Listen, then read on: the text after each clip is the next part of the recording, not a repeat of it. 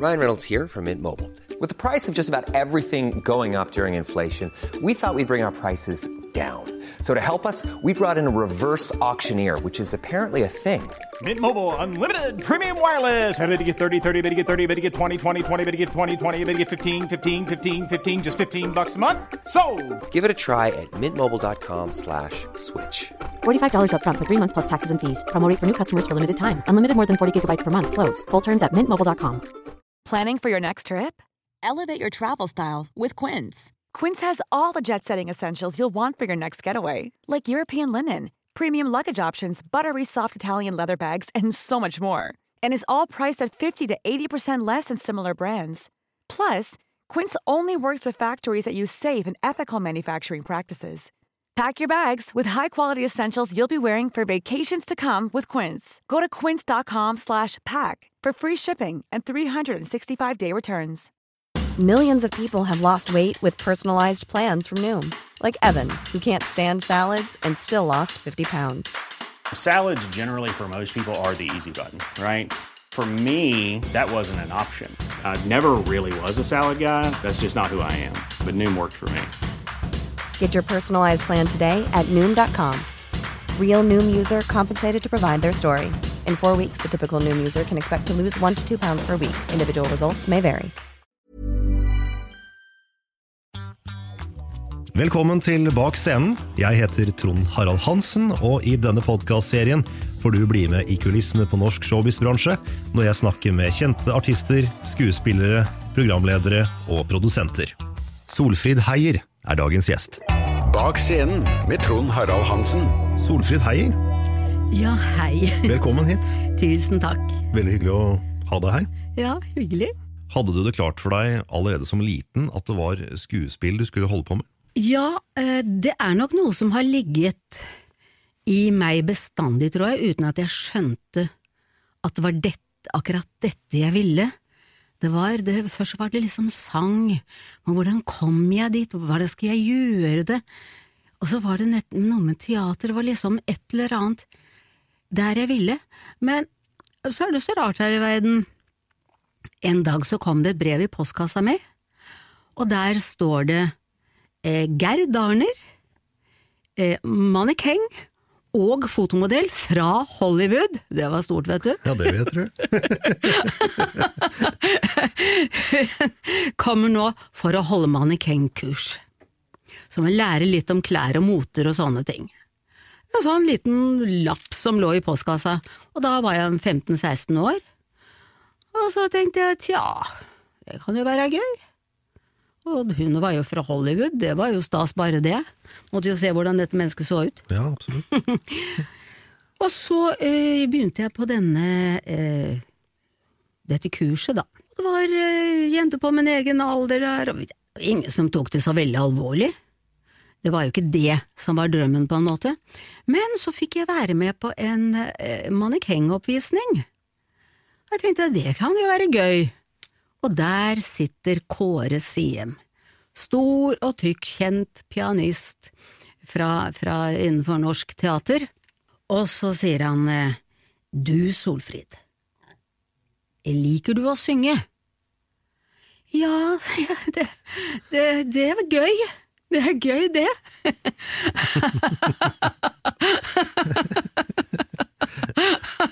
Eh, ja, da syns jeg du skal gå ned på Oslo Nye Teater, jeg, sa han. Fordi der eh, skal de sette opp en ny musical som heter Dikter i ulvepels, og Toralf Maurstad, han trenger en ung jente der. Det var tre som nettopp hadde kommet ut fra teaterskolen, blant annet Thea Stabel. Og eh, da var det, det var liksom Tore Foss, Annelise Tangstad som var store stjerner på den tiden. Og så var det oss, da. Vi skulle være noen syngende sekretærer. Dikter i ulvepels.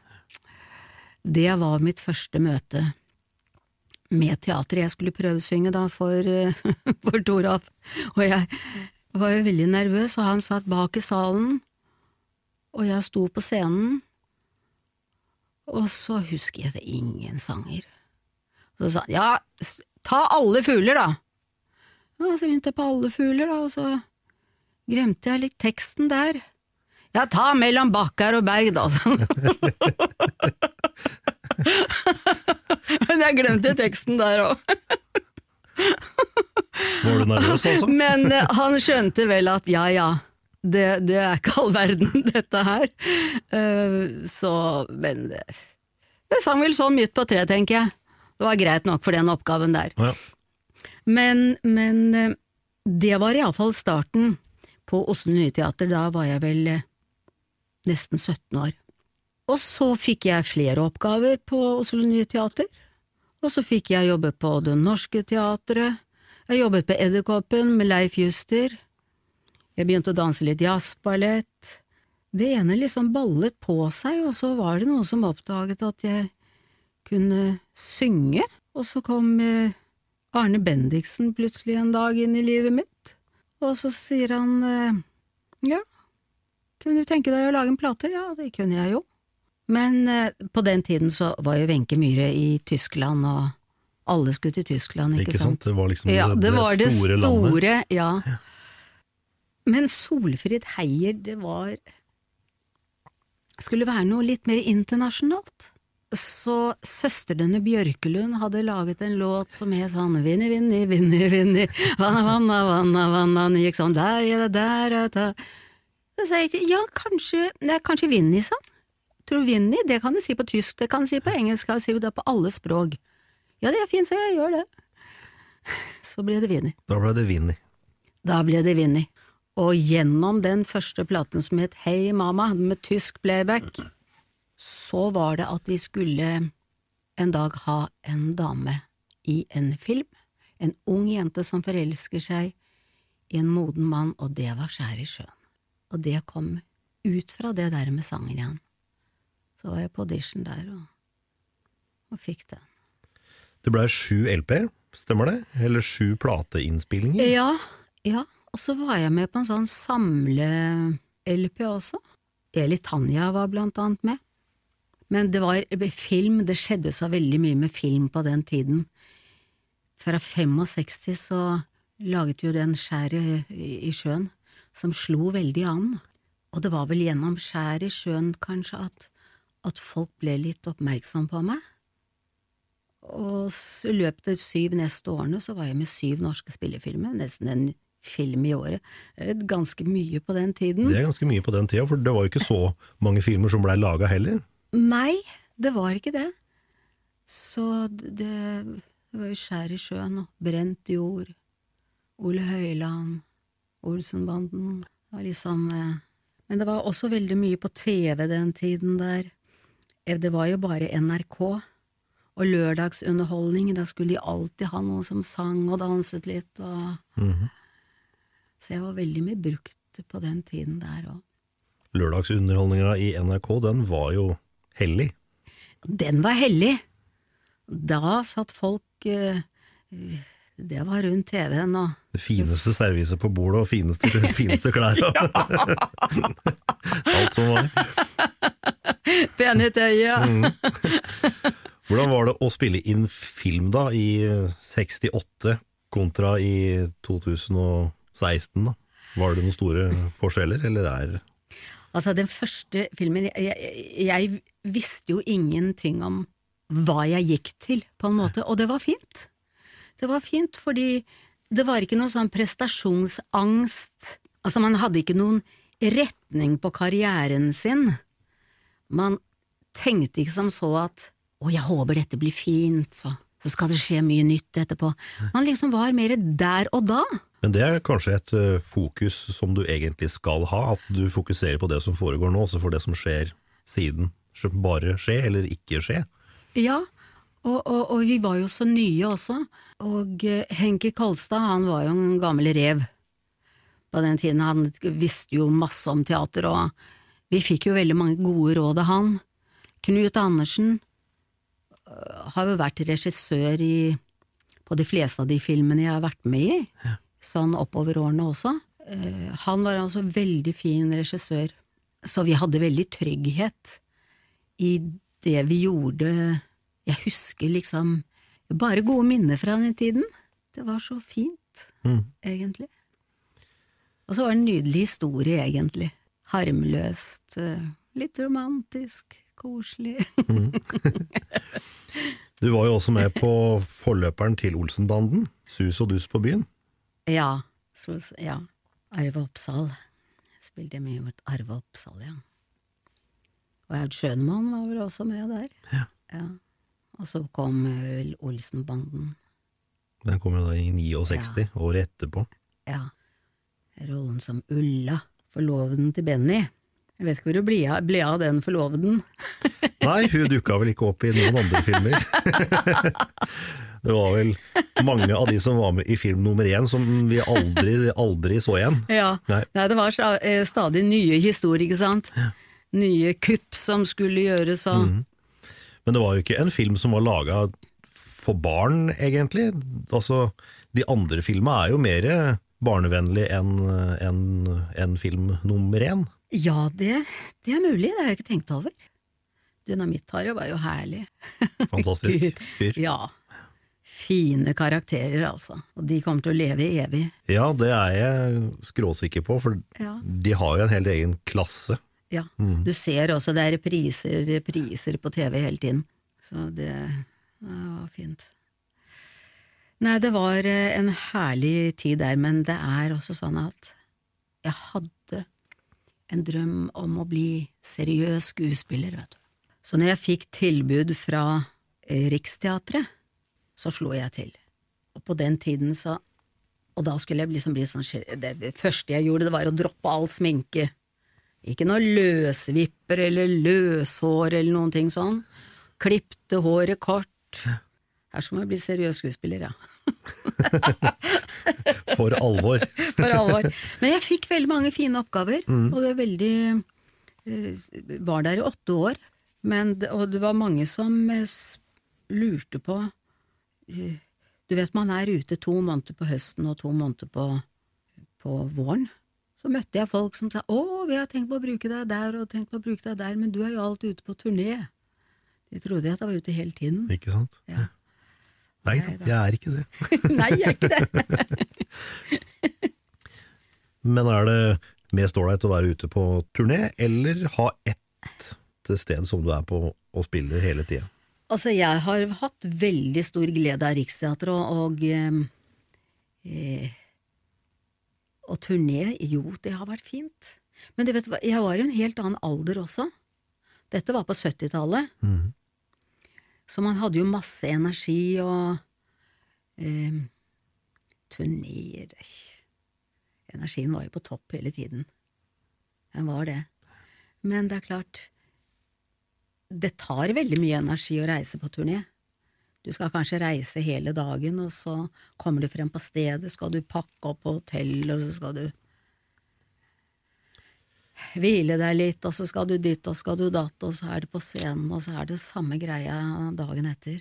Og så skal du være opplagt da, til å levere halvannen time eller to timer, eller hva det Ja, er. Ja, du skal jo være topp opplagt, da, for det er jo liksom det som er jobben.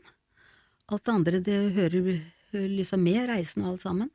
Men det blir alltid en, en fin stemning på turné, og en fin gjeng, og, og så sier man jo alltid etterpå at å, vi må holde kontakten. Men veldig ofte så Da skjer ikke det. Nei.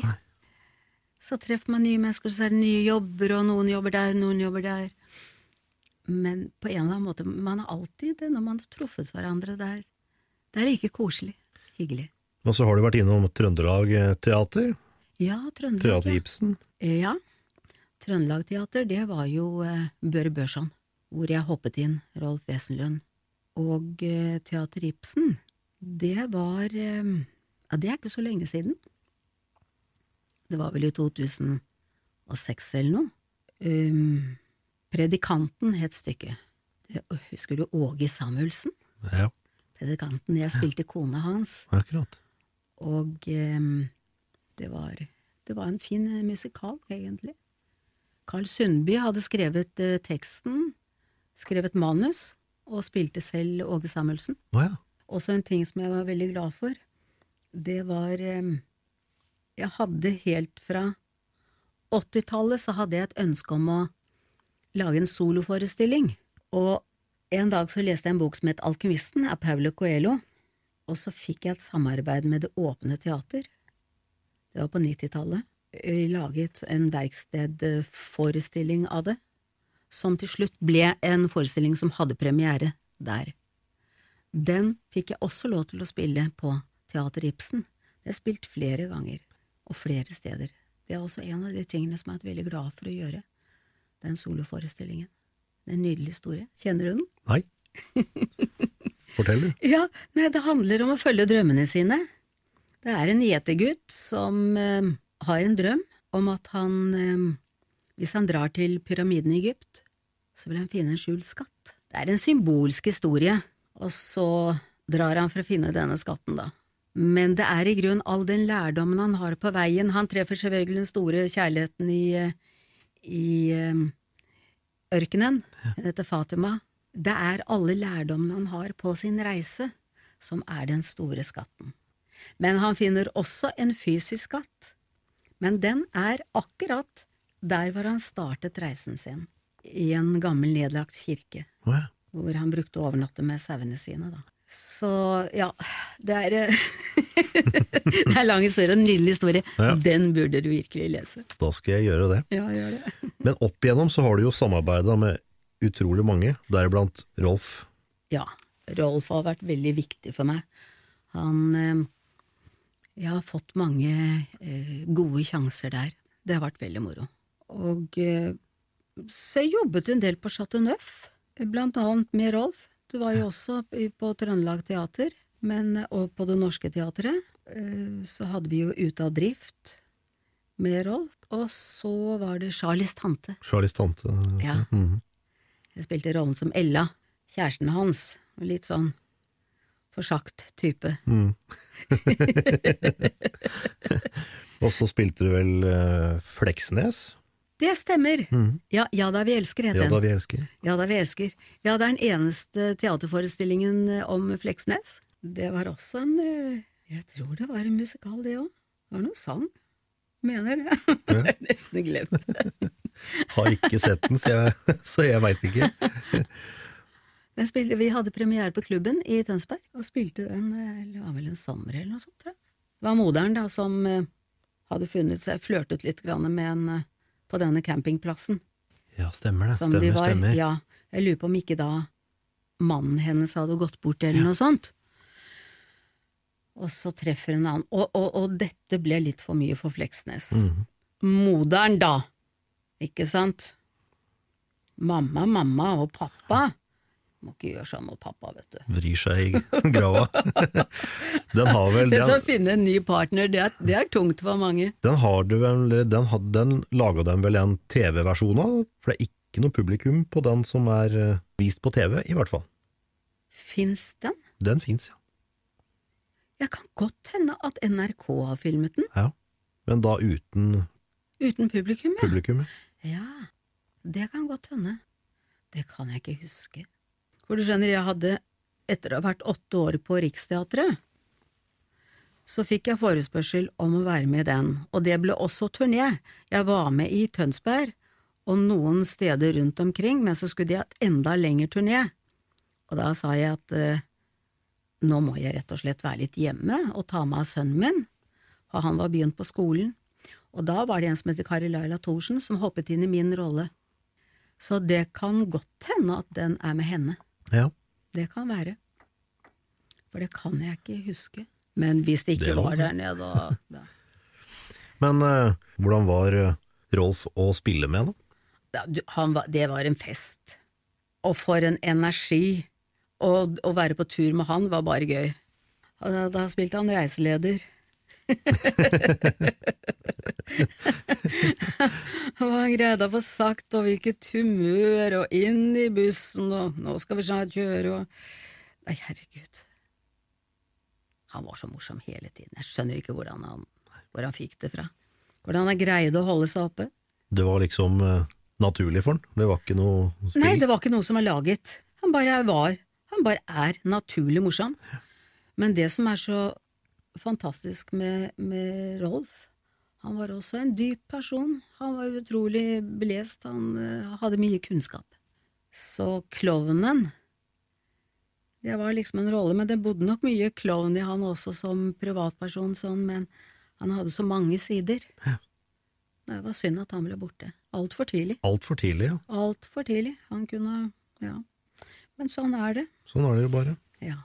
Dessverre. Eh, dere gjorde først en teateroppsetning av Ut av drift, og så ble det jo en film etterpå. ja. Hvordan var teateroppsetninga? teateroppsetninga? Teateroppsetningen var veldig eh, Jeg syns, jeg, jeg syns det var kjempegøy å være med. Det var veldig morsom. Eh, jeg fikk jo også spille, eh, spille også søster Solfrid en periode, fordi Kirsti ble syk. Den rollen som jeg endte opp med, det var jo det var jo også den som jeg fikk være med på i filmen. Så det er sekretæren fra Fremskrittspartiet. Stemmer det? Det var veldig gøy. Men er det krevende også å flytte en forestilling fra scene til film?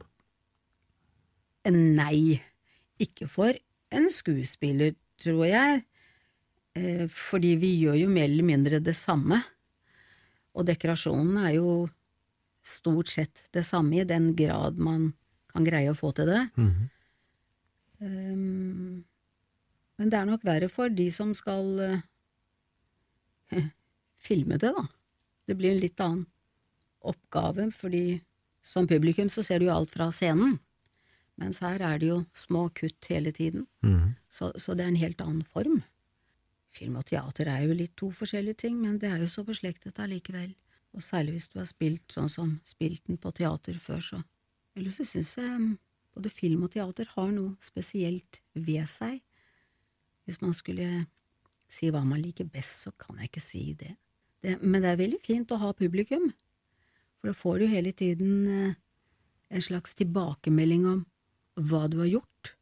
Om Om de liker riktig? det eller Mhm. ikke, det vet man jo ikke. Det med film, da, da får du bare håpe at regissøren er fornøyd. Hvis ikke så får man høre det der òg. Ja, ikke sant? Det er jo en del skuespillere som er engstelige for publikum. Ja. Er du det? Nei, men altså eh, Det også eh, Altså, jeg er ikke redd, men jeg kan være nervøs, og det, det ser jeg som to forskjellige ting. Eh, det der å ha den der lille nerven, det tror jeg er viktig, for hvis du er helt rolig Jeg tror nesten du må ha det lille ekstra giret for eh, å gjøre ditt beste. Du, du kan være rolig før en forestilling, særlig hvis du har spilt den mange ganger, men akkurat idet sceneteppet går opp, så er det noe som skjer inni deg. Det er et gir til som plutselig slår til.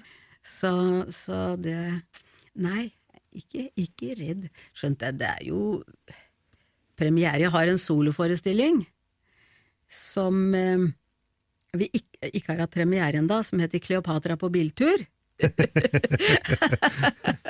For jeg har vært litt sånn opptatt av alternative eh, ting helt fra 80-tallet, og vært på veldig mange rare kurs. Og så var det en som spurte meg en gang eh, Du, vi har en sånn eh, serie med foredrag. Kunne du tenke deg å fortelle litt om din reise, som til slutt endte opp i at du laget Alkymisten, som handler om dette her å følge drømmene sine? Jeg sa ja, det kan jeg godt gjøre. Det var nede på Hippie Media. Jon Skau og Kåre Nybakk var veldig involvert i det der. Så begynte jeg å fortelle da om eh, kurs jeg har vært med på. Og en del episoder, og de lo så fælt. så det Sorin, dette er ikke bare et foredrag, det er en forestilling. Og så ble det en forestilling da, som vi hadde noen prøveforestillinger eh, nede på Gamle Kristiania, populært kalt Gamla. Det er sånn konsertlokale. Og det gikk veldig fint. Folk lo og de koste seg, men vi så det at det er et par numre vi skal bytte ut, og så øh, skal vi gjøre om lite grann. Men eh, når vi skulle starte med det, så ble både Kåre og jeg opptatt med andre ting. Så nå har jeg begynt å tenke litt på det igjen, da. Så får håpe at jeg kan greie også å få den på bena snart. For den har ikke hatt premiere ennå, men det kan bli veldig gøy. Det kan bli kjempegøy, det da. Er det krevende å lage en eh, forestilling, eller? Ja, det er det, og jeg husker første gangen den derre sto på scenen, publikum kom, vi hadde ikke hatt én eneste gjennomgang. Jeg tenkte hvordan i all verdens rike skal det gå? Øh, Jeg var ikke helt sikker på om jeg husker teksten engang. jeg hadde invitert fra på Facebook, og det var jo Herregud. Ja, ja. Men eh, det gikk jo bra, folk lo og Men jeg husker at den derre følelsen at dette er galskap galskap å gå inn og gjøre dette nå. Den følelsen der, den eh, Ja. Men av og til så kan man på en måte bli såpass nervøs at det er noe som slipper i deg.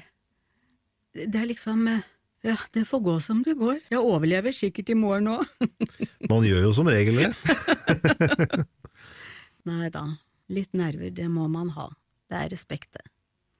Ja, at du ikke er for de helt som kommer der. Ja, ja, at du ikke er helt likegyldig til det som skjer, da. At du faktisk må levere noe. Ja, og den dagen hvor man blir så eplekjekk og tror at dette her går så bra, da skal man ikke jobbe med det lenger. Det er respektløst. Man må Man skal kose seg og slappe av, men eh, iallfall gjøre så godt man kan. Alltid passe på.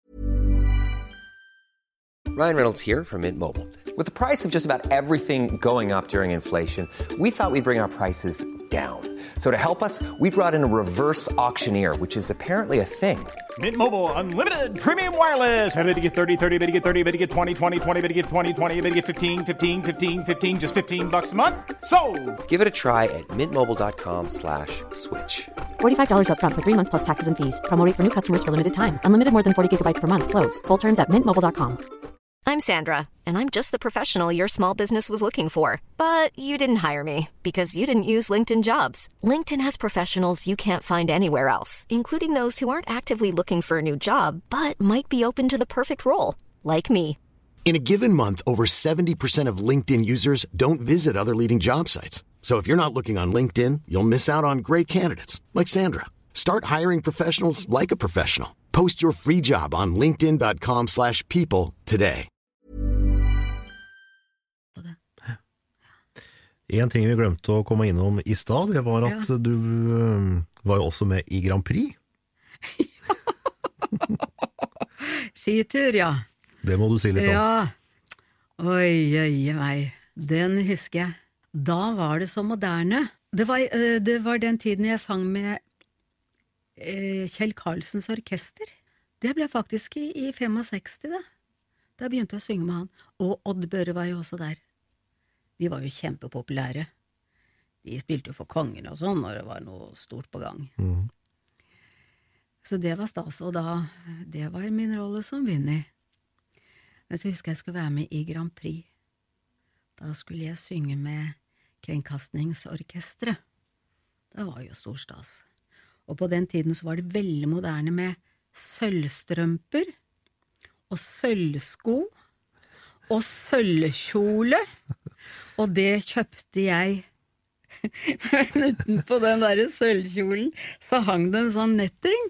Og så var det veldig moderne sånn gullarmebånd med sånne små sjarms på. Så hver gang vi var på turné, så kjøpte en ny sjarms da fikk satt på som hadde en minner fra livet sitt og turneer og sånne ting. En av de skjermsene hadde en liten krok. Den kroken greide å sette seg fast inni den nettingen, så under hele sangen så sto jeg og tenkte på hvordan skal jeg få løst den armen? Jeg får jo ikke brukt den! Den andre holdt jeg mikrofonen i, og den andre var helt bundet av den. det, det var et mareritt, og jeg bare prøvde å se så blid ut som mulig. Sang og lot som ingenting. Man må jo late som ingenting. Ja, man må jo eg- egentlig det, da.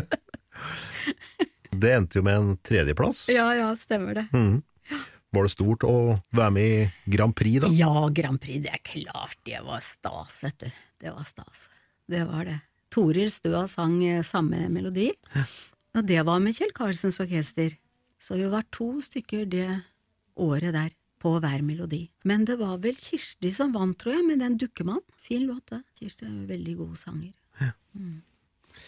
Men siden så har du gjort veldig mye TV. Vi har sett deg i småroller i Fredrikssons fabrikk, Mot i brøstet, Carl og Ja. Co., Hotell Cæsar Ja. osv. osv. Ja. Hvordan er det å komme inn og så gjøre én rolle i én serie som allerede er, Du, det er så skummelt. etablert? da? Det er veldig skummelt, faktisk, fordi du, det er som å komme inn i en familie.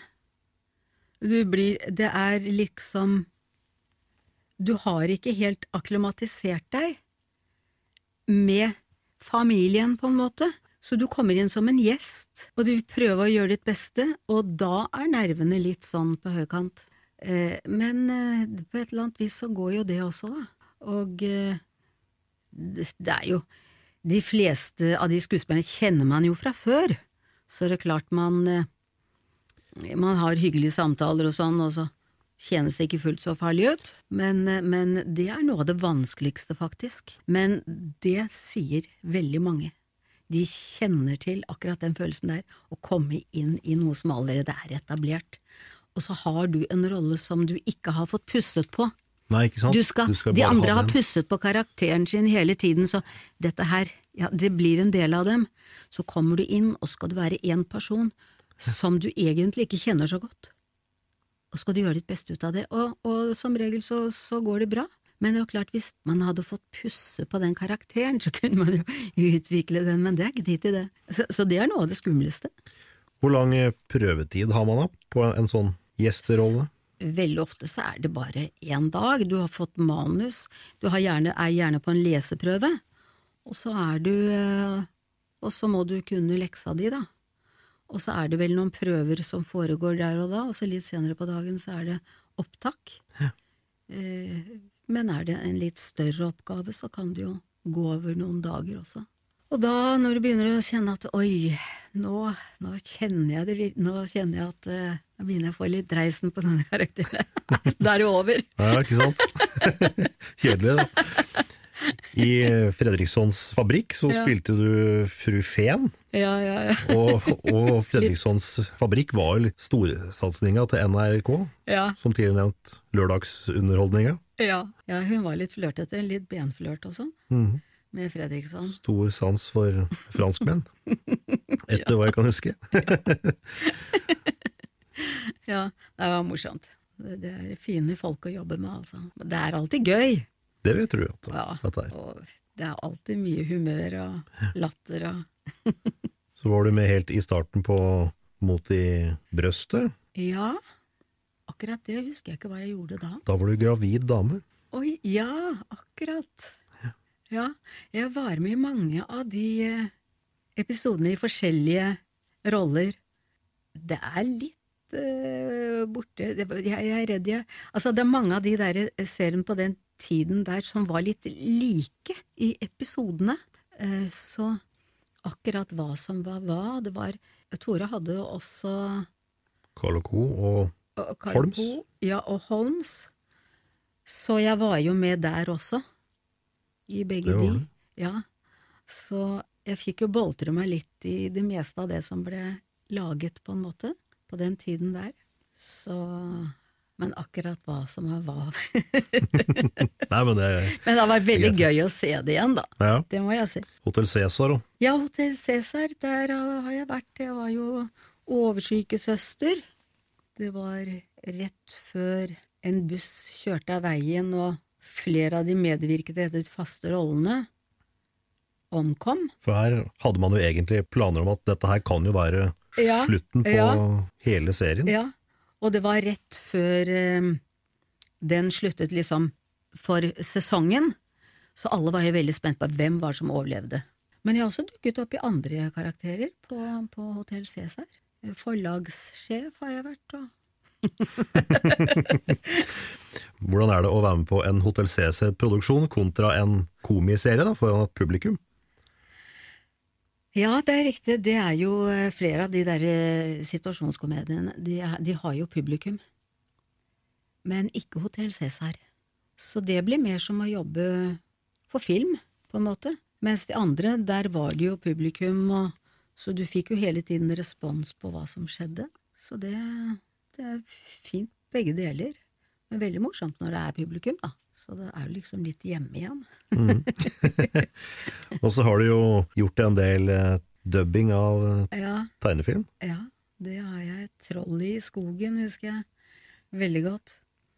Her var jeg sånn skikkelig fikk lov til å bruke litt sånn stemme, og et par morsomme sanger og Ja, jeg har dubbet, eh, dubbet veldig mye, egentlig. Og så leste inn bøker for Blindeforbundet. Og så har jeg eh, Det har vært veldig mye sånn voiceover-oppgaver oppover årene. Det er forresten lenge siden jeg har gjort, og det har jeg lyst til å gjøre igjen. Jeg var så mye på turné, så da blir det enkelte ting litt borte. Ja, det vil jeg tro. Ja. Men, men det er å ta kontakt, så kanskje man kan gjøre det igjen òg. Det liker jeg, det. Det med dubbing av tegnefilm, er det krevende? Der overlater du deg til, egentlig til en annen skuespiller? Ja, du gjør det, og så er det med der å følge klokka. Du skal inn 15.45, da skal du begynne å snakke. Og da skal du ikke hogge inn, vet du, det skal være helt avslappet, du. Så jeg har vært alt fra gamle damer til unge piker. Jeg har vært hest og hjort og troll og Alt mulig. Ja, men det er jo artig, artig det. Ja. Det blir jo en slags lek. Ja, ja. Det er gøy. Ja, det er morsomt å leke. Mhm. Og det, det er jo en del eh, med yrket, så man er kanskje litt sånn leken av natur. Eh, det lille barnet blir aldri helt ferdig med å leke. Nei, men Og det syns må jeg er litt fint, det. ja. Og så må du vel ha det på den måten? Hvis, hvis du skal klare å Ja, holde på med det Ja. i så mange år? Sånn, sånn veldig voksen og, og ferdig med å, tulle og tøyse, det tror jeg ikke jeg kommer til å bli. så bra. Og så har du hatt et langt samarbeid med Carl Sundby. Ja, Carl og jeg, vi har jobbet sammen veldig mye, og vi jobber sammen nå også, i en forestilling som heter 70 er det nye 50. Så vi har fått eh, eh, støtte for å spille mye for på seniorsenter og så videre. Og da slipper man jo også dette her med husleier og alt, og, og gjøre hele den jobben der selv. Da kommer man til et publikum, men det er ganske våken publikum. Det er eh, pensjonister som, eh, som er eh, kvikke og våkne og oppegående. Vi har også fått gjøre noe for, på sykehjem, og det er fantastisk å se hvordan folk eh, livner til med litt underholdning og Men det er jo også snakk om da også å få en, eh, en premiere i Oslo etter hvert. Og eh, Carl, ja, han har også en forestilling som han har spilt veldig mye, som heter Mamsepapsen. Og den spilte vi nå ute um, på um, Kolbotn, hvor eh, hans samboer som heter Linda Pedersen nå eh, ikke skal være med lenger i forestillingen, så har jeg hoppet inn i den rollen der, da. Som klovnen Baluba. og det er for sånne små, sånn fra tre år og oppover, men mammaen og pappaen de syns det er like gøy. Ja. Ja. Er det annerledes å spille for barn? Er de et mer takknemlig publikum enn det De er jo veldig spontane. Det er sånn Se bak deg, han kommer der! Ikke gjør sånn! Sånn! De dirigerer og prater og kakler og går? Ja, ja, ja. Det er, det er ikke noe hemninger på noen ting. Og du kan ikke lyve for barn. Det, det, det liksom Hvis du gjør noe, sier noe Er dere rene i sånn og sånn? Nei. Eller ja. Skal være sånn. Nei, det, det er helt herlig. Hva er noen forestillinger, da? ja. Det er fint. Men Carl, ja, nei, vi jobbet sammen helt siden 80-tallet, vi. Eh, vi jobbet veldig mye nede på Det Åpne Teater. Og eh, han jobbet jo som dramatiker og skuespiller, og regissør der. Og jeg jobbet også veldig mye der, fordi eh, jeg syntes det var litt spennende ny norsk dramatikk. Eh, der fikk du et manus, og så fikk du 14 dager på deg. I løpet av de 14 dagene så skulle du ha lært teksten din, og så skulle du Så kom det et publikum, og så skulle du presentere, liksom. Vi spilte teater. Noen ganger med litt sånn improviserte kostymer, og bare for å markere hva denne teksten kan bli. Og så var det diskusjon etterpå. Hvordan var denne teksten, hva var svakheten, hva var styrken, og så videre. Det syns jeg var så spennende. Og det lærte jeg veldig mye av, om dramatisering av, av uh, en tekst. Så når jeg selv fikk eh, muligheten til å sette opp Alkymisten der, da hadde jeg skrevet manus ut fra boken, så fikk jeg prøvet ut den, og det endte jo også med premiere der nede, som gikk veldig fint. Men eh, tilbake til Carl, han Det var mye gøy. Og så er han så spontan, vet du, som det var sånn Solfrid, det skal være noe opplegg her 17. mai. Du skal lese et dikt inni et bjørnekostyme, kommer du? ja jøss, er du gæren? Ja, ja, jeg stiller det. ja ja ja, Karl, det går fint det. Ok, da gjør vi det. Mm.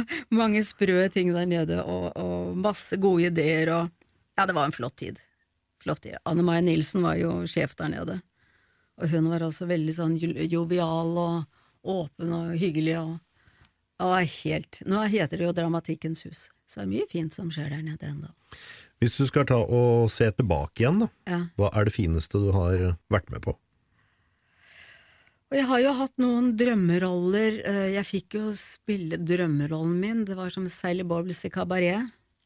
Fordi det var en rolle som inneholdt liksom alt. Det var en eh, egentlig et ganske seriøst stykke. Men det var eh, sang, det var dans, det var humor, men det var også alvor.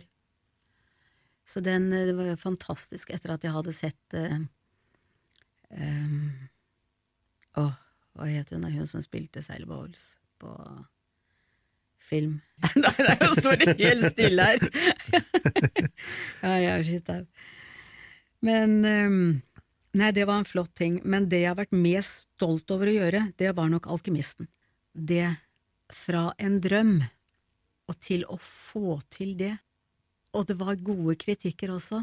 Jeg har enda ikke hatt, uh, fått noen kritikker i Oslo fordi det kom ingen eh, på premieren der. Nei. For jeg var også produsent, og helt ny som produsent.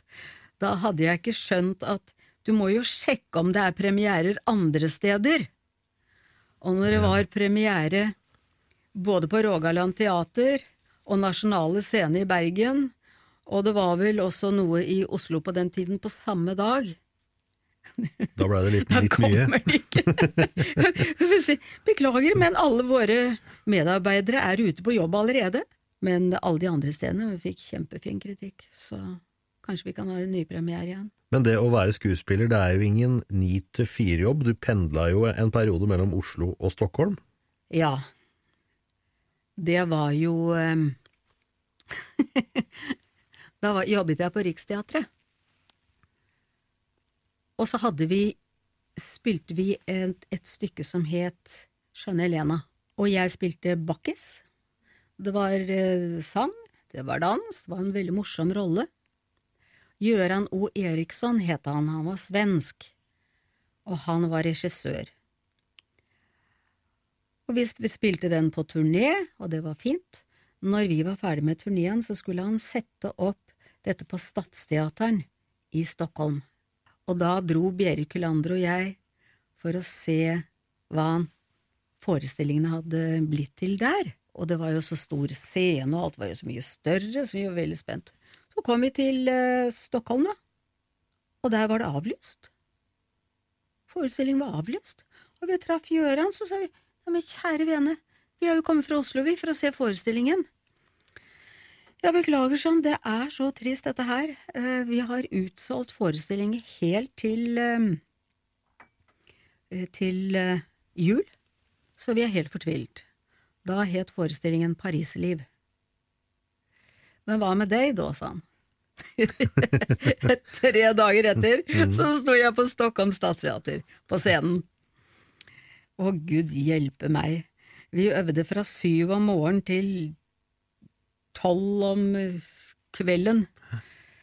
Og ja, det var et tempo. Og rollen var jo blitt på svensk og var jo mye større, egentlig, mm. enn hva jeg hadde. Nå skulle jeg også spille Betty la Mercère, hvilket var en rolle som ikke var i, i den andre eh, på Riksteatret. Og det gikk fint. Og suffløsen, hun eh, var aktiv, og, og det var jeg òg. det, det gikk altså over all forventning. Og så spilte jeg der i 14 dager, og så reiste jeg hjem. Og da begynte vi med prøvene på et stykke som het Den store barndoppen. Så får jeg telefon fra Gjøran. Solfrid, du må komme tilbake, fordi hun er blitt syk igjen, hun som eh, hadde din rolle. Og da måtte jeg ta fly klokka fem, og så spilte jeg eh, Da sto det taxi og venta på meg, kjørte rett inn til Stockholm Stadsteater, og der var det rett inn i eh, sminkelåsen, som det het, på med parykk og sminke og vipper og klær og alt sammen, og så rett ut på scenen. Så spilte vi der, til klokka var vel eh, ti-halv elleve eller noe sånt, og så sto det en taxi, og så var det rett ned på jernbanestasjonen og på nattoget. Og så var jeg i Oslo klokka ni, og da var det rett hjem og få laget matpakke og termos, og så var det på prøver med den store barndåpen på Riksteatret. Og så var det det samme igjen. Dagen etter. Etter prøven så var det rett på fly, sminke, forestilling, nattog. Det er også en av de tingene jeg aldri glemmer. Eh, Berit og jeg eh, kommer på den tanken der med Stockholm Stadsteater. Herregud, at det var mulig. Men det var jo på 70-tallet, da. Og, og jeg var jo fremdeles ung og Og så er- masse energi og Ja, og så er det vel sånn at hvis, at hvis det er noe du virkelig ønsker, så får Ja. du det til. ikke sant? Du får jenka det til på et eller annet vis. Det var en fantastisk mulighet som kom til meg, og du vet Du får ekstra energi, og du vet at hvis jeg, skulle, hvis jeg visste at dette er noe du skal gjøre resten av livet ditt, hold på med det der, da er du blitt sliten etter fem minutter. Men du vet at dette er bare en kort tid. Så hopp i det og gled deg over det, ha det gøy nå. Så, så da gjorde jeg det. Føler du at du har ofra mye? Nei. Nei.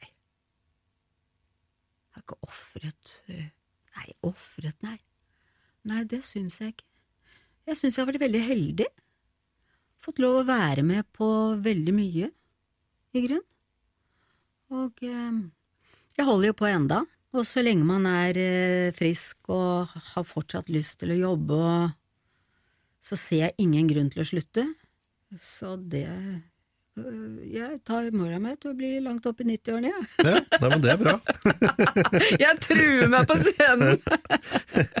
Kreker seg inn, skal med. Det er bra, det. Ja, ja, ja. Mm. Nei da, man får bare ha det gøy så lenge man kan, og så får man bare se. Ting blir som de blir, sier jeg. Man må bare kose seg litt grann underveis på denne rare livsreisen som vi har. Vi vet jo ikke så mye for oss. Det er egentlig veldig bra. Ja. Jeg syns det. At, at Ja, ikke man veit hva som ikke. skjer. Ja, man vet ikke. Så man må bare ta vare på hver dag og eh, sette litt pris på det man har, og glede seg over livet. Jeg tror det er noe av det aller viktigste. Være takknemlig. For det var en som sa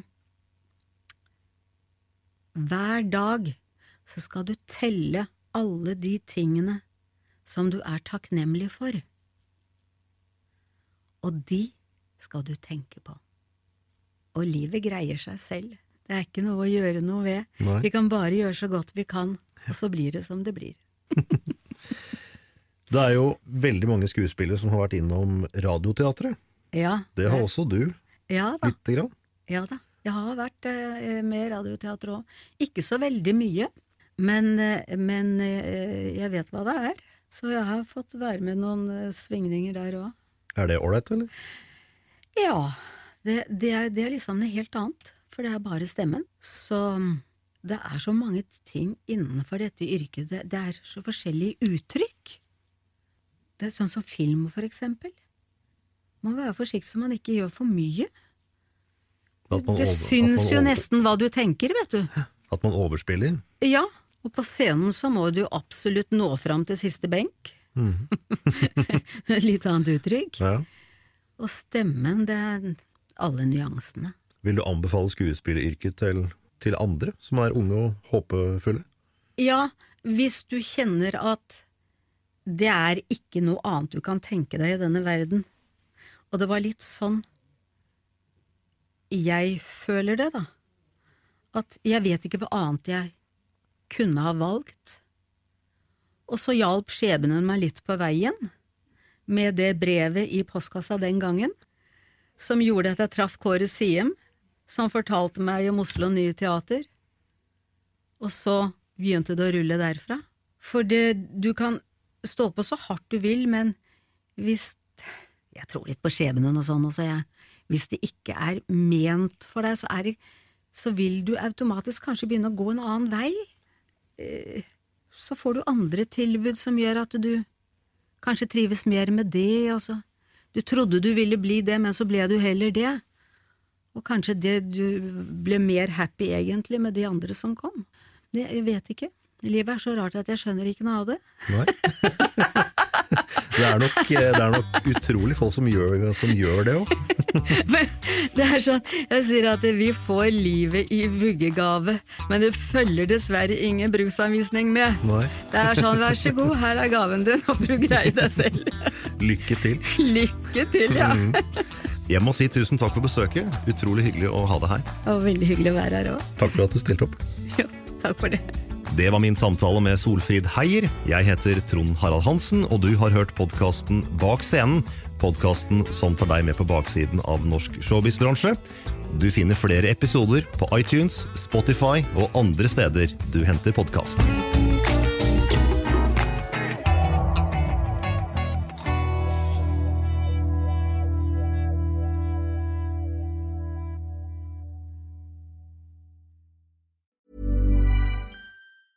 Mom deserves the best, and there's no better place to shop for Mother's Day than Whole Foods Market. They're your destination for unbeatable savings, from premium gifts to show-stopping flowers and irresistible desserts. Start by saving 33% with Prime on all body care and candles. Then get a 15-stem bunch of tulips for just $9.99 each with Prime. Round out Mom's menu with festive rosé, irresistible berry chantilly cake, and more special treats. Come celebrate Mother's Day at Whole Foods Market. Hi, I'm Daniel, founder of Pretty Litter. Cats and cat owners deserve better than any old fashioned litter. That's why I teamed up with scientists and veterinarians to create Pretty Litter. Its innovative crystal formula has superior odor control and weighs up to 80% less than clay litter. Pretty Litter even monitors health by changing colors to help detect early signs of potential illness. It's the world's smartest kitty litter. Go to prettylitter.com and use code ACAST for 20% off your first order and a free cat toy. Terms and conditions apply. See site for details. Even when we're on a budget, we still deserve nice things. Quince is a place to scoop up stunning high-end goods for 50 to 80% less than similar brands. They have buttery soft cashmere sweaters starting at $50, luxurious Italian leather bags, and so much more. Plus, Quince only works with factories that use safe, ethical, and responsible manufacturing. Get the high-end goods you'll love without the high price tag with Quince. Go to quince.com/style for free shipping and 365-day returns.